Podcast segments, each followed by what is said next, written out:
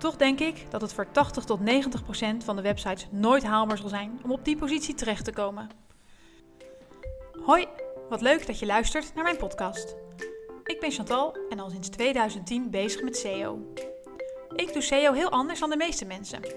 Ik denk namelijk dat je niet per se hoger moet willen ranken of op nummer 1 moet willen staan. Tijden zijn veranderd en dus is het tijd voor een ander geluid.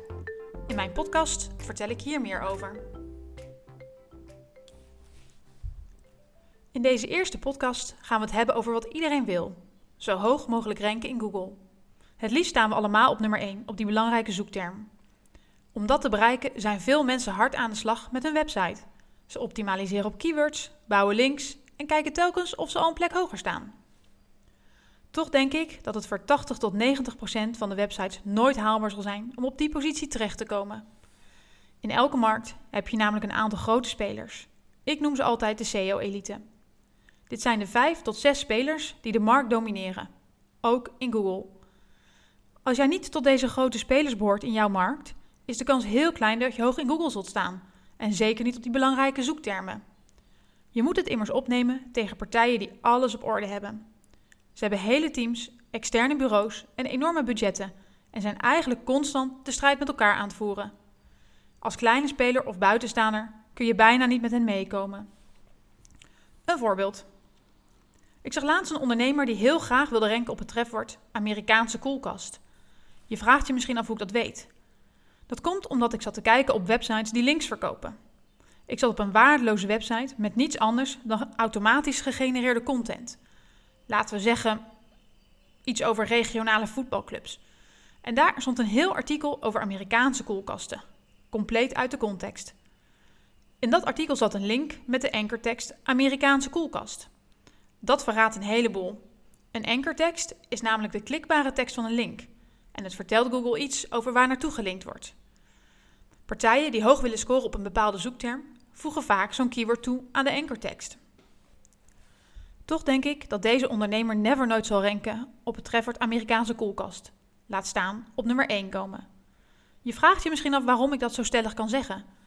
Nou, omdat Coolblue, BCC, Expert, Kieskeurig, Bol en Beslist er al op ranken. Kun je deze partijen inhalen? Ja, zeker weten. Maar daarvoor is het wel nodig dat jij een volgende Coolblue wordt, of een volgende Bol, of een volgende BCC. Hiervoor zul je net zo flink moeten investeren in een goede site, een goed assortiment, goede marketing, goede guerrilla-acties, lollige posts, een goede klantenservice, goede content, goede video's en noem maar op. Je zult een echte merknaam moeten bouwen. Zo'n nummer 1 positie behalen is namelijk geen trucje. SEO is geen trucje. En met elke maand een paar nieuwe links en wat keywords toevoegen aan je website, kom je er gewoon niet meer. Voordat je dus beslist dat je graag op één wilt staan op een zoekterm, moet je jezelf eerst afvragen wie in jouw markt de grote spelers zijn en of je met hen kunt concurreren. Ga eens in Google kijken op de zoektermen waar jij zo graag op wilt ranken. Wie staan er allemaal in die top 10? En ben jij net zo groot, zo goed, zo bijzonder of zo opvallend als zij? Hoor jij met jouw assortiment tussen deze grote spelers? In de meeste gevallen zal dat niet zo zijn. Er kan er maar één op nummer 1 staan. En waarschijnlijk hebben deze grote partijen de beste kaarten. Ze spelen een heel ander spel ik noem ze altijd de SEO-elite. En met elkaar spelen ze Champions League niveau. Wil je met hen concurreren om die topposities in Google, dan kun je dat vergelijken met een stoelendans, waarbij er ongeveer drie stoelen zijn, vijf tot zes zwaargewichten deelnemen en tientallen wannabes rondlopen die ook op een stoel hopen. En natuurlijk hebben die zwaargewichten een enorme voorsprong. Zij zijn al jaren bezig met SEO en hebben al jaren enorm veel investeringen gedaan. Dat betekent dus dat de kans groot is dat jij een ander spel moet gaan spelen. En moet gaan proberen om je verkeer uit Google op, een andere manier binnen te gaan halen. Dan puur het renken op die zwaar beconcurreerde toptermen. Er is namelijk meer dan die nummer 1 positie. Echt waar. Een manier om meer verkeer binnen te halen is niet zozeer om hoger te renken, maar om breder te willen renken. Het gaat erbij om zoekopdrachten en niet om keywords of zoektermen. Het gaat om de zoekvraag van je klant, zijn of haar informatiebehoeften. Dit soort zoekopdrachten hebben vaak veel minder concurrentie.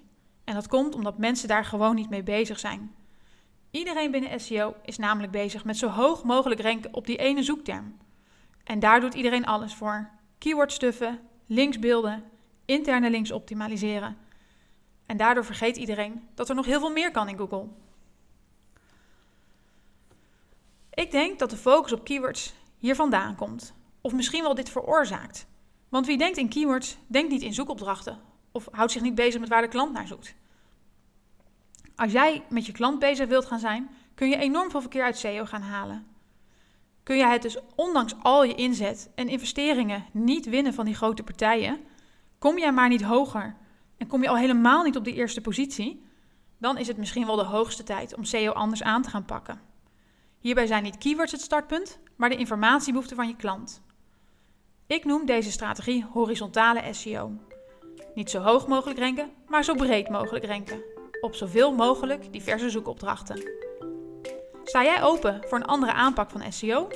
Dan ga ik je in mijn podcast de komende tijd meer vertellen hierover. Wil jij niks missen? Volg me dan op Instagram. Je vindt me onder Chantal NL.